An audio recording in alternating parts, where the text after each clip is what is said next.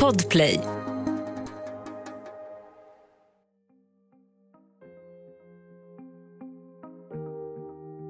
Den 6 juli 2022 skakas Almedalsveckan i Visby av ett mord och den 32-årige gärningsmannen grips samma dag. En man är anhållen med sannolika skäl misstänkt för mord och en förundersökning har nu inletts. Men varför mördar han den 64-åriga psykiatrisamordnaren Ingmarie Wieselgren? Är det personligt eller hade någon annan lika gärna kunnat bli offer? Det kom ju ut ganska tidigt att det kanske fanns eh, nazistiska förtecken. Mördaren sitter inlåst i en cell och träffar nästan bara poliser. Men det finns också en annan person som regelbundet hälsar på. Det var väldigt intressant att prata med honom för han är ju liksom en intelligent person. Advokat Staffan Fredriksson som kommer finnas vid klientens sida genom hela utredningen. Den som kommer visa att 32-åringen ser sig själv som en soldat och har åkt till Almedalsveckan med en dödslista. Du lyssnar på Jag var där sommarspecial med mig, Andreas Utterström och Lisa Wallström. Nytt avsnitt varje onsdag om du inte lyssnar i Podplay-appen. Där finns hela säsongen redan nu, helt gratis. I tre delar berättar vi om mordet i Almedalen 2022. Det här är avsnitt tre, Rättegången.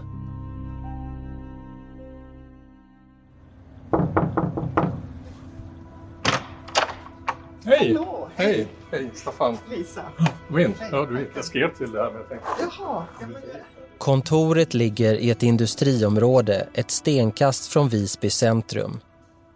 63-årige Staffan Fredriksson tar emot rosig om kinderna efter att precis ha varit på Friskis och Svettis som ligger vägg i vägg. Han är en klassisk landsortsadvokat, en mångsysslare som jobbar med allt från fastighetsrätt till vårdnadstvister. Men tonvikten ligger på brottmål där det ofta handlar om misshandel och missbruk.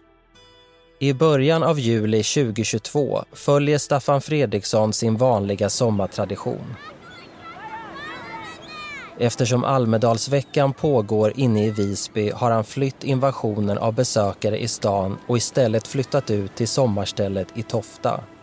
Men inte för att ha semester. Staffan Fredriksson brukar alltid jobba under sommaren och njuta av Visby när stan är som vackrast och istället ta ledigt under hösten. Det är också på sommarstället som han den 6 juli 2022 via nyheterna får veta att psykiatrisamordnaren Ingmarie Wieselgren har mördats under Almedalsveckan. Eftersom Gotlands tingsrätt vet att Staffan Fredriksson till skillnad från sina semesterlediga advokatkollegor är tillgänglig för uppdrag som offentlig försvarare så inser han att det snart kan komma ett telefonsamtal. Så blir det också vid 10 halv 11 tiden samma kväll. Men det är inte självklart för Staffan Fredriksson att tacka ja. Nej, det var det inte.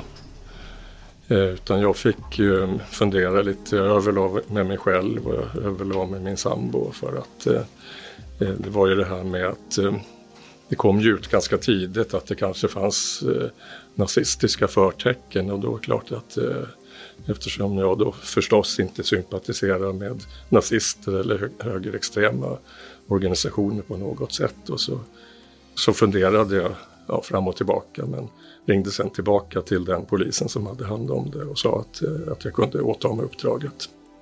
Efter att ha tackat ja inser Staffan Fredriksson att han den närmaste tiden inte kommer göra så mycket annat än att jobba. Men han hinner inte tänka mycket mer än så, för arbetet drar igång direkt. Ja, det första jag fick göra var att åka in till Visby och gå in på polisstationen och sen in i arresten då och träffa min klient. Och sen vara med på det första förhöret. Eller jag hade väl eh, naturligtvis den första briefing då av eh, poliser, alltså det var ju Stockholmsutredare som fanns här med anledning av Almedalsveckan då, då. Så att jag tror till och med att det var någon kanske med anknytning till Säpo och sånt där som var med.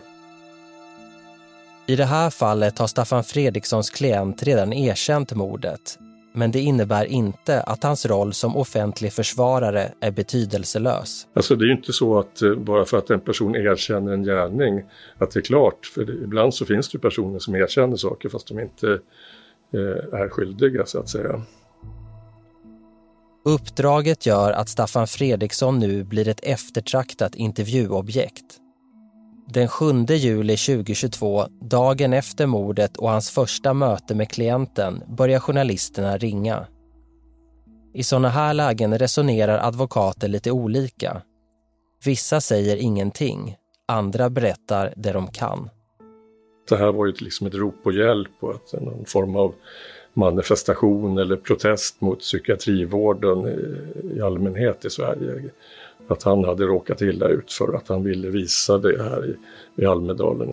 Men eh, samtidigt så måste man ju misstänka att eh, det kan finnas då en psykiatrisk problematik hos en klient och framförallt en klient som begår en sån här allvarlig gärning och börjar liksom deklarera sådana här saker. Så att då får, måste man ju försöka, även om klienten själv vill att allting, alltså kort ska, korten ska läggas på bordet. Och han, vill, han hade ju ett intresse av att det här skulle komma ut så fort som möjligt och eh, liksom ograverat i, i massmedia.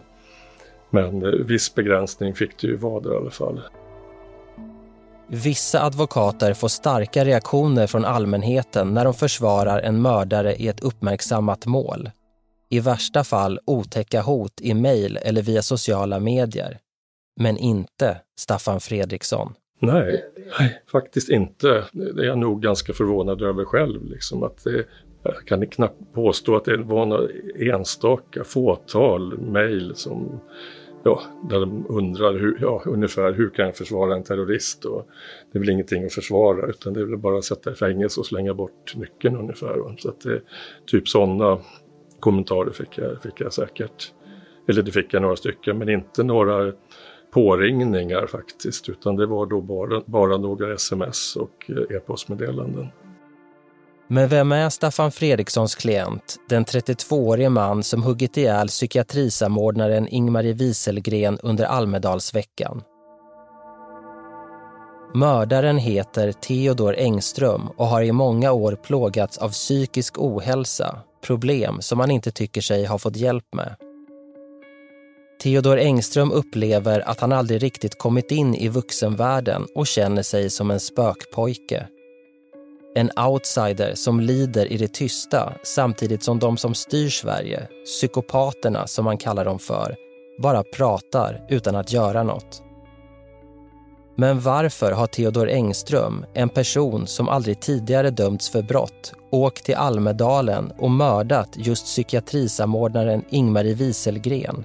En eldsjäl som faktiskt jobbade hårt för att personer som han skulle få rätt hjälp. Det är frågor som den stora polisutredningen som kommer att pågå i fyra månader ska svara på. Under hela den resan finns advokat Staffan Fredriksson med vid Theodor Engströms sida.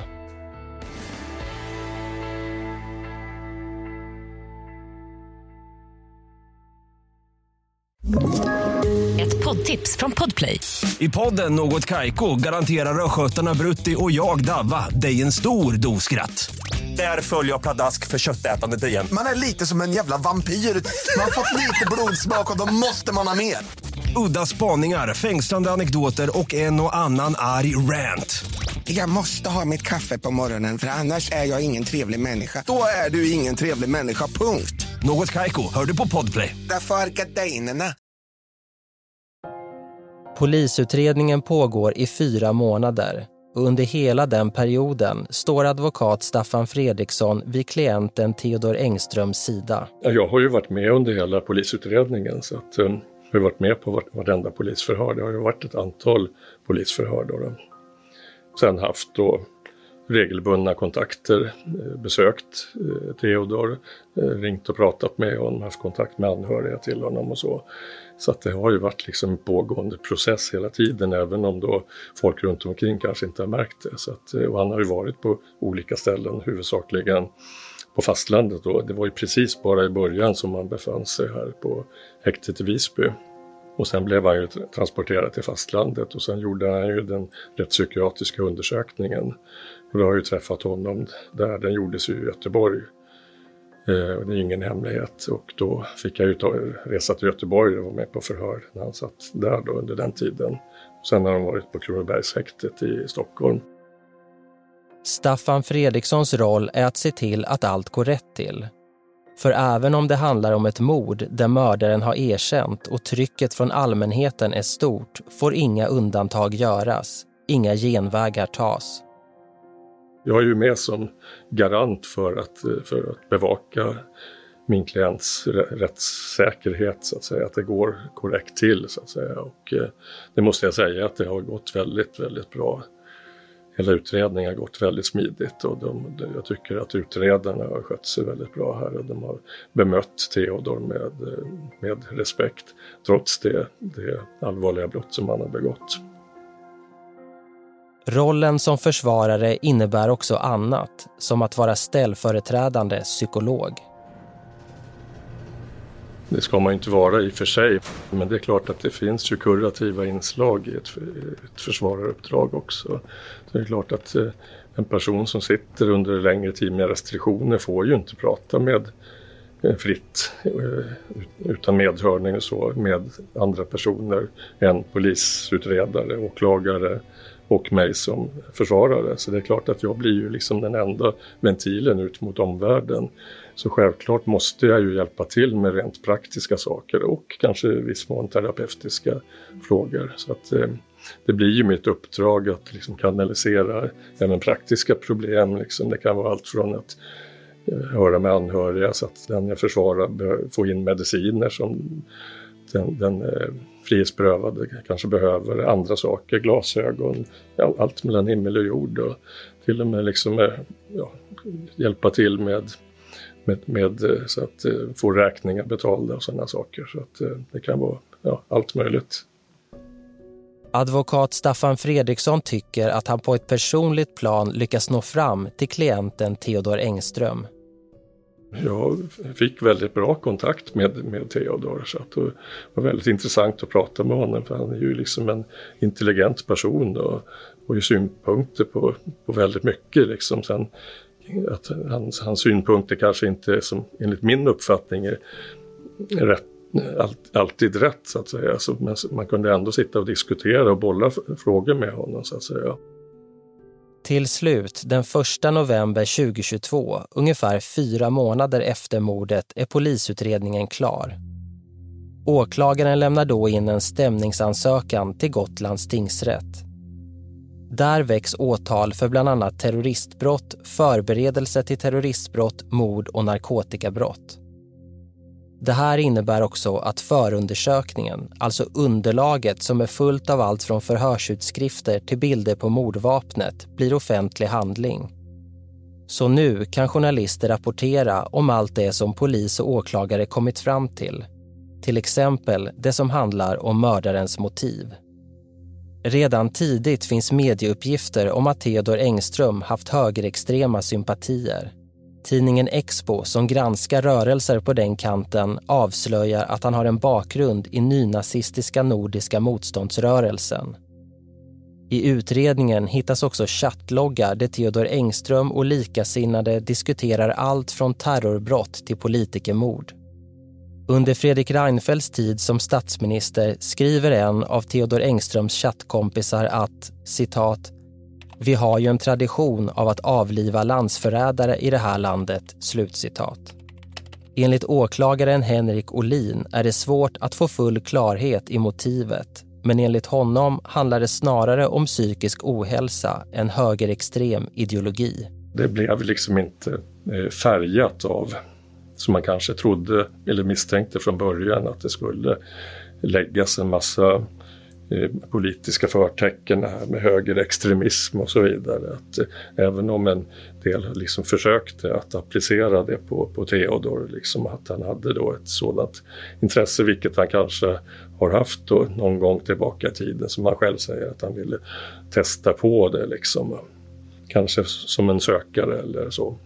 Han har ju varit vilse i många år och mått väldigt dåligt i många år. När 32-årige Theodor Engström den 30 juni 2022 kliver av i färjeterminalen i Visby ser han sig själv som en krigare som ska utföra en självmordsbombning.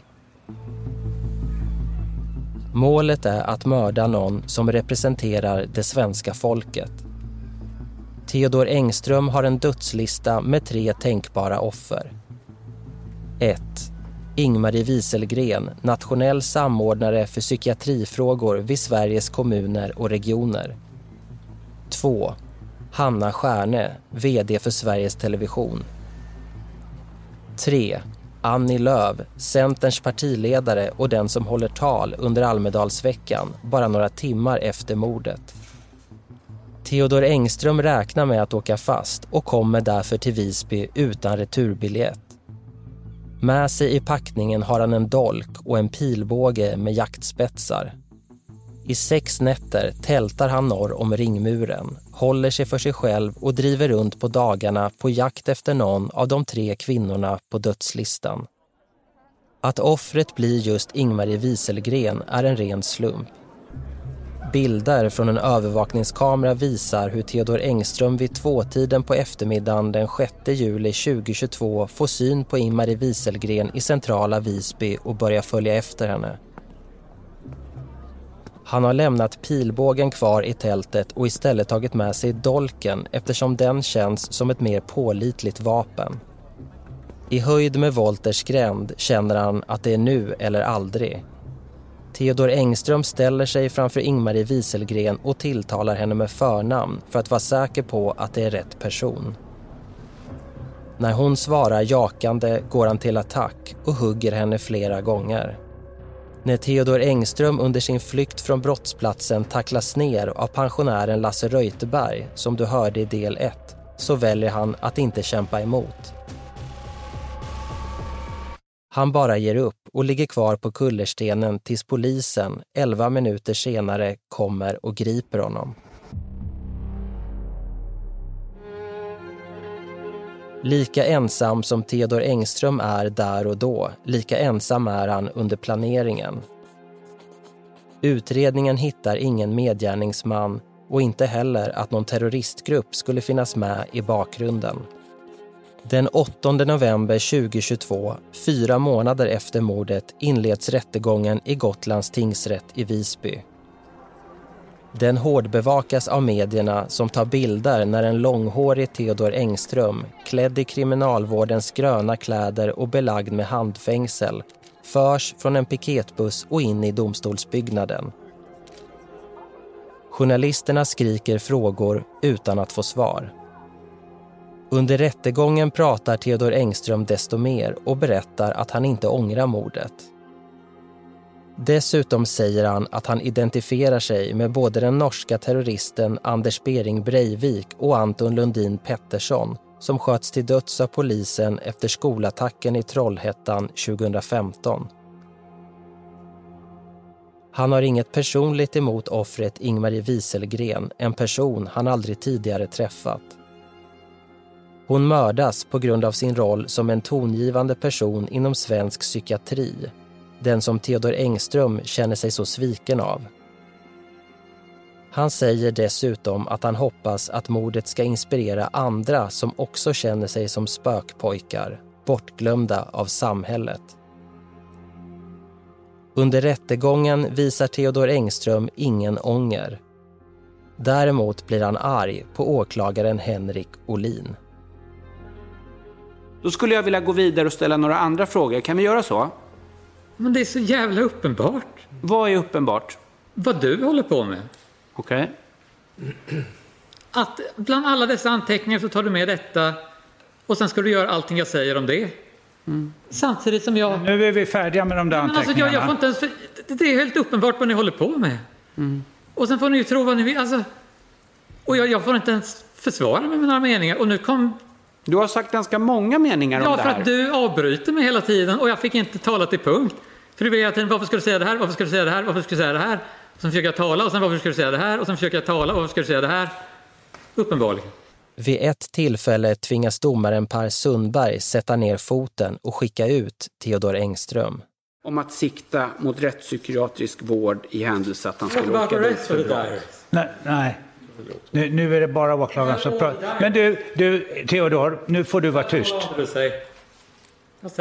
Nu, nu är du tyst. Annars får du inte vara här kvar här inne. Så är det. it. Varsågod åklagaren och fortsätt.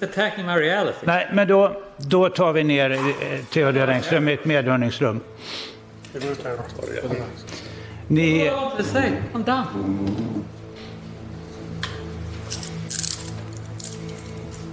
attacking Marielle. Utbrottet blir en stor nyhet i medierna men advokat Staffan Fredriksson tycker att det får alldeles för stora proportioner. Det där tycker jag var ganska överdrivet också. Det var, jag har förståelse för det. Då måste man ju väga in hans mentala status. Att han, han var ju inte frisk, är ju inte frisk. Det vittnesmål som får störst uppmärksamhet är det från Centerns partiledare Annie Lööf. Hon har inte bara fått veta att hon varit en av tre personer på Theodor Engströms dödslista och att han skrivit om henne i sin dagbok, utan också att han kartlagt henne under flera års tid. För i sitt arkiv hittar SVT nämligen material som visar att Theodor Engström befunnit sig nära henne under Almedalsveckan både 2014 och 2017. Han har dessutom sett Annie Lööf på stan i Visby men inte vågat slå till eftersom hon haft livvaktsskydd. Hon är rejält omskakad och det som hänt bidrar till att hon senare avgår som Centerns partiledare. Men det som gör starkast intryck på försvararen Staffan Fredriksson är vittnesmålen från de som stod Ingmarie Wieselgren nära. Jo, men det är ju, man blir ju tagen naturligtvis. Det är ju självklart att det är gripande att höra. Framförallt då eh, anhöriga till Ingmarie Wieselgren. Som jag ju förstår, jag kände ju inte till henne sedan tidigare, men vilken fin person hon var. Vilken eh, ja, fantastisk människa och engagerad i, i, just inom psykiatrin. Då, så att, eh, och där kan man väl säga nu med eh, facit i hand att det blev ju väldigt felriktat. Den här gärningen naturligtvis som Theodor gjorde. Så att eh, jag menar, han hade, hade han träffat Ingmarie Wieselgren på tu man hand, tänk, tänker jag, så kanske han Kanske inte hon hade kunnat hjälpa honom naturligtvis men hon hade ju säkert lyssnat på honom och kunde säkert vägleda honom och ge honom tips och råd om vart han kunde vända sig med sin, sina problem. Så att det är väldigt, väldigt, det blir som dubbelt tragiskt på något sätt.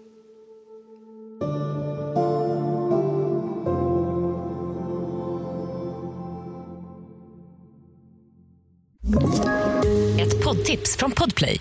I podden Något Kaiko garanterar östgötarna Brutti och jag, Davva, dig en stor dos skratt. Där följer jag pladask för köttätandet igen. Man är lite som en jävla vampyr. Man har fått lite blodsmak och då måste man ha mer. Udda spaningar, fängslande anekdoter och en och annan arg rant. Jag måste ha mitt kaffe på morgonen för annars är jag ingen trevlig människa. Då är du ingen trevlig människa, punkt. Något Kaiko, hör du på Podplay. Därför är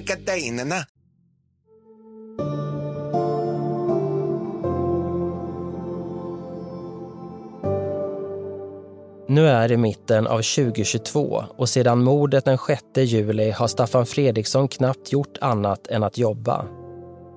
Och det intensiva arbetet fortsätter långt in på nätterna, även när rättegången pågår. Jag satt nog och läste på faktiskt. Och bläddrade i papper och läste förundersökningen och tittade på rättsfall och så vidare och förberedde. Så att det, nej men det, var, det, var, det var nog mer eller mindre dygnet runt arbete. Så att jag vet, jag sov inte så mycket under den här perioden så att det var väldigt intensivt. För advokaten Staffan Fredriksson bjuder inte rättegången på några större överraskningar. Att Theodor Engström är skyldig till mord råder det inga tvivel om. De stora juridiska frågorna är om gärningsmannen också kommer att dömas för terroristbrotten och vilket straff han kommer att få. Åklagaren yrkar på livstidsfängelse, advokaten Staffan Fredriksson på rättspsykiatrisk vård. Jag pläderade ju för att Theodor inte skulle dömas för terroristbrott utan då ja, mord alternativt dråp. Det förstod jag ju att det var ju liksom, man säger minimum, att han skulle dömas för mord. Men, men jag, jag gjorde ju jämförelse med eh, terrordådet på Drottninggatan eh, som ju naturligtvis är mycket, mycket värre eftersom så många fler förlorade livet och blev skadade där. Och även då eh, gärningsmannens syfte med gärningen. Och jag pläderade ju också för att han inte, att han då skulle bli helt frikänd vad gällde förberedelse till terroristbrott genom förberedelse till mordet av Annie Lööf. Så, den 6 december 2022, på dagen fem månader efter mordet meddelas domen.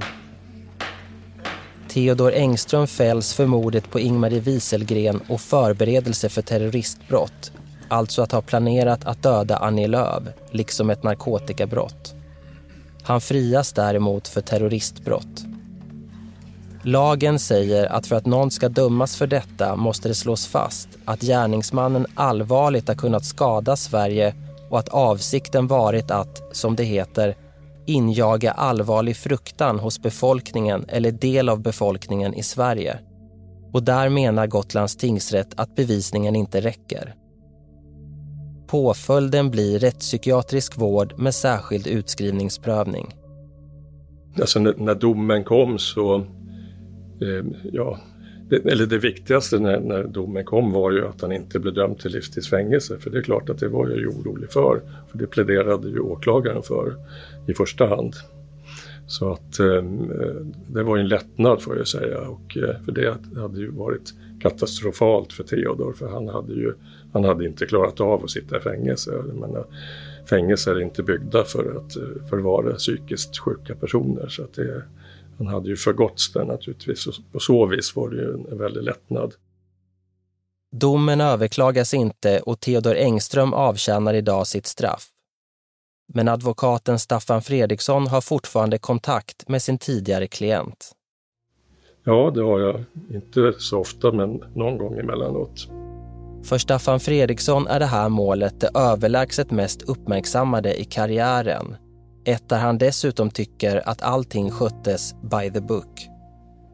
Jag är glad att eh, rättssamhället, alltså hela, hela rättsapparaten då från då utredare, polis, åklagare, tingsrätt, att de stod pall för det här mediala trycket som var ju massivt naturligtvis.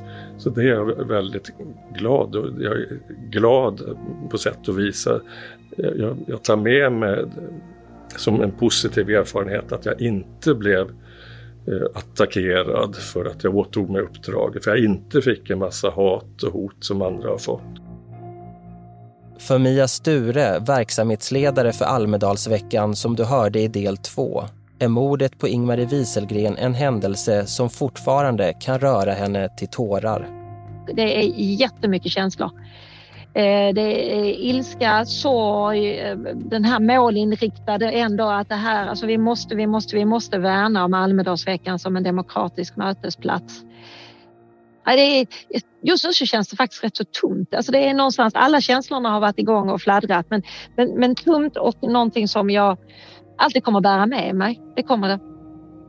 Mia Sture är också stolt över att Almedalsveckan 2022, trots mordet, fortsatte enligt plan och att man inte blåste av alltihop. Då hade vi blivit lite som, som den här gärningspersonen faktiskt uttryckte sig, att han ville skada den svenska demokratin. Pensionären Lasse Reuterberg, han som tacklade omkull mördaren Theodor Engström och som du hörde i del 1, han glömmer aldrig den kontakt han efter mordet hade med Ingmarie Wieselgrens anhöriga. När jag kom hem, så bara två dagar efter på söndagen, så ringer det på telefonen. Och då, då ringer det en, en man till mig och han presenterar sig. Och då var han svärson till Ingmarie Wieselgren. Så han ringde från familjen. Och vi pratade länge och han uttryckte sig för familjens skull, sitt tack att jag hade gjort det här och sådär. Det var fantastiskt fint och det, det bekräftade alla de här känslorna som jag hade, att det var väl tur att även en liten insats kan få det. Och det hade jag med mig faktiskt under, under en lång tid och fortfarande har med mig för att eh, det, är egentligen enda gången som jag blivit riktigt starkt berörd av det här. Det har hänt två tillfällen under den här historien. Och det var familjen vid båda tillfällena. Det andra tillfället då pensionären Lasse Reuterberg hade kontakt med Ingmarie Wieselgrens anhöriga skedde i samband med rättegången. Då hade jag också ett möte, fast då var det med hela familjen. För de, de ville prata med mig efteråt en stund och vi hade en halvtimme, 40 minuter någonting sånt i ett rum på tingsrätten där, där vi satt och pratade igenom. Och det är nog bland det finaste jag varit med om i mitt liv.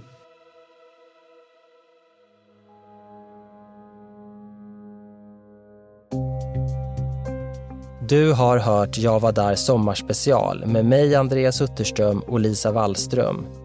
Producent Andreas Karlsson. Exekutiv producent på Podplay är Victoria Rinkos. Det här är en produktion av Commercial Content för Podplay. Läs mer om commercial content på vår sajt och följ oss gärna på Instagram och LinkedIn.